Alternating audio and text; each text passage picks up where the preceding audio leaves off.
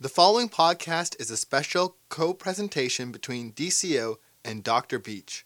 For more information on this topic and others, please visit reachdrbeach.com or visit his YouTube channel at reachdrbeach or Googling Reach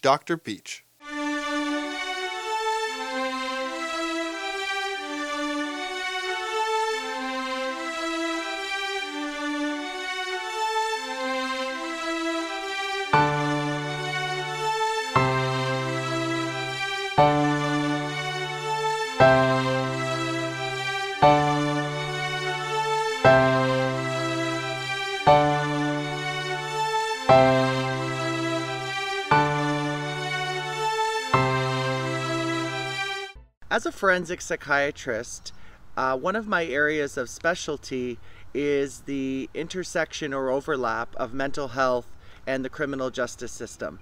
And one very important area where I've been involved in a lot of assessments as well as treatment of individuals is in the area of stalking. So today I'd like to provide an overview on the topic of stalking and I'm going to follow that up with a series where I will cover various aspects related to the topic of stalking, including risk factors, different types of management strategies and recommendations, and I'm also going to be incorporating uh, real life cases to hopefully help illustrate some of the concepts that I'll be discussing.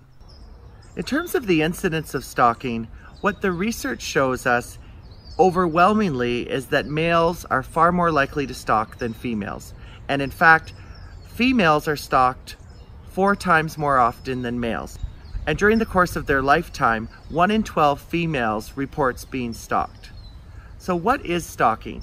Now that's one of the challenging concepts because stalking exists along a continuum where at one end, for example, you may have unwanted behaviors like receiving telephone calls or receiving unwanted letters, to other stalking that may include, for example, following someone, to actually uh, receiving threats of either a violent or non-violent nature, to at a very extreme end, actually having someone engage in a physical or sexual assault or even cause damage or destruction to your personal property. What relationship do stalkers have to their victim? And an important take home point is that in over 85% of cases, a stalker knows his or her victim. And that most typically could be an ex partner, an acquaintance, or a work related or professional colleague. Now, you may be wondering are all stalkers pretty much the same, or are there actually discrete types? And fortunately for us, there's a world renowned professor named Paul Mullen who's devoted his entire career to better understanding stalking and classifying the various types. And Professor Mullen has identified five distinct types of stalkers. So now I want to introduce you to the five different types of stalkers, beginning with the rejected type, which is the most common stalker and comprises approximately one third of all stalker groups. Now, the rejected type stalks after the breakdown of a relationship, and most typically after a breakup with an ex partner. And for all stalker types, it's very important to understand the motivation behind the stalking. And in the case of the rejected type, the primary motivations are reconciliation and revenge. Another third of all stalkers belong to a group called intimacy seeking. And uh, hints in the title there, that stalker group wants intimacy. Now, one important point with this group is that compared to the other four groups, this group has been shown to have more overall mental health challenges. And they can vary in terms of what type of mental health symptoms or challenges they display, but one common one are delusions or fixed false beliefs.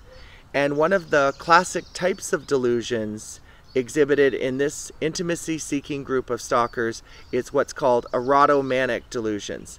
And an erotomanic delusion is a fixed false belief that someone's in love with you when they're not. The next group of stalkers is called incompetent. And the reason for that name is because research has shown that on average, this group, compared to the other four groups, is shown to have lower intelligence and poorer social skills. And yet, it's pretty ironic that this group's named incompetent because this is actually the group that's known to serially stalk or stalk multiple victims. And in this case, as I mentioned previously, it's important to understand the motivation for the stalking. And in the case of the incompetent stalker, the motivation is entitlement, or the stalker feels entitled to a relationship. The next stalker group is called resentful. And the resentful stalker may choose a specific victim or may choose victims at random. But in either case, the motivation behind the resentful stalker is perceived persecution. And how the resentful stalker responds to that perceived persecution is they frighten or scare their victim. Fortunately, the least common stalker type is the predatory type. Yet, the predatory type is the most dangerous type of stalker. And the reason this type is the most dangerous is because they exhibit considerable planning and rehearsal prior to stalking and they're shown on average to have significantly more convictions, including sexual convictions.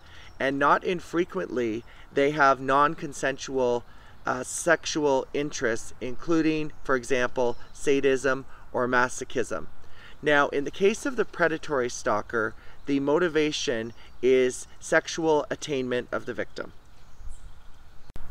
Thank you for joining me for this overview on stalking.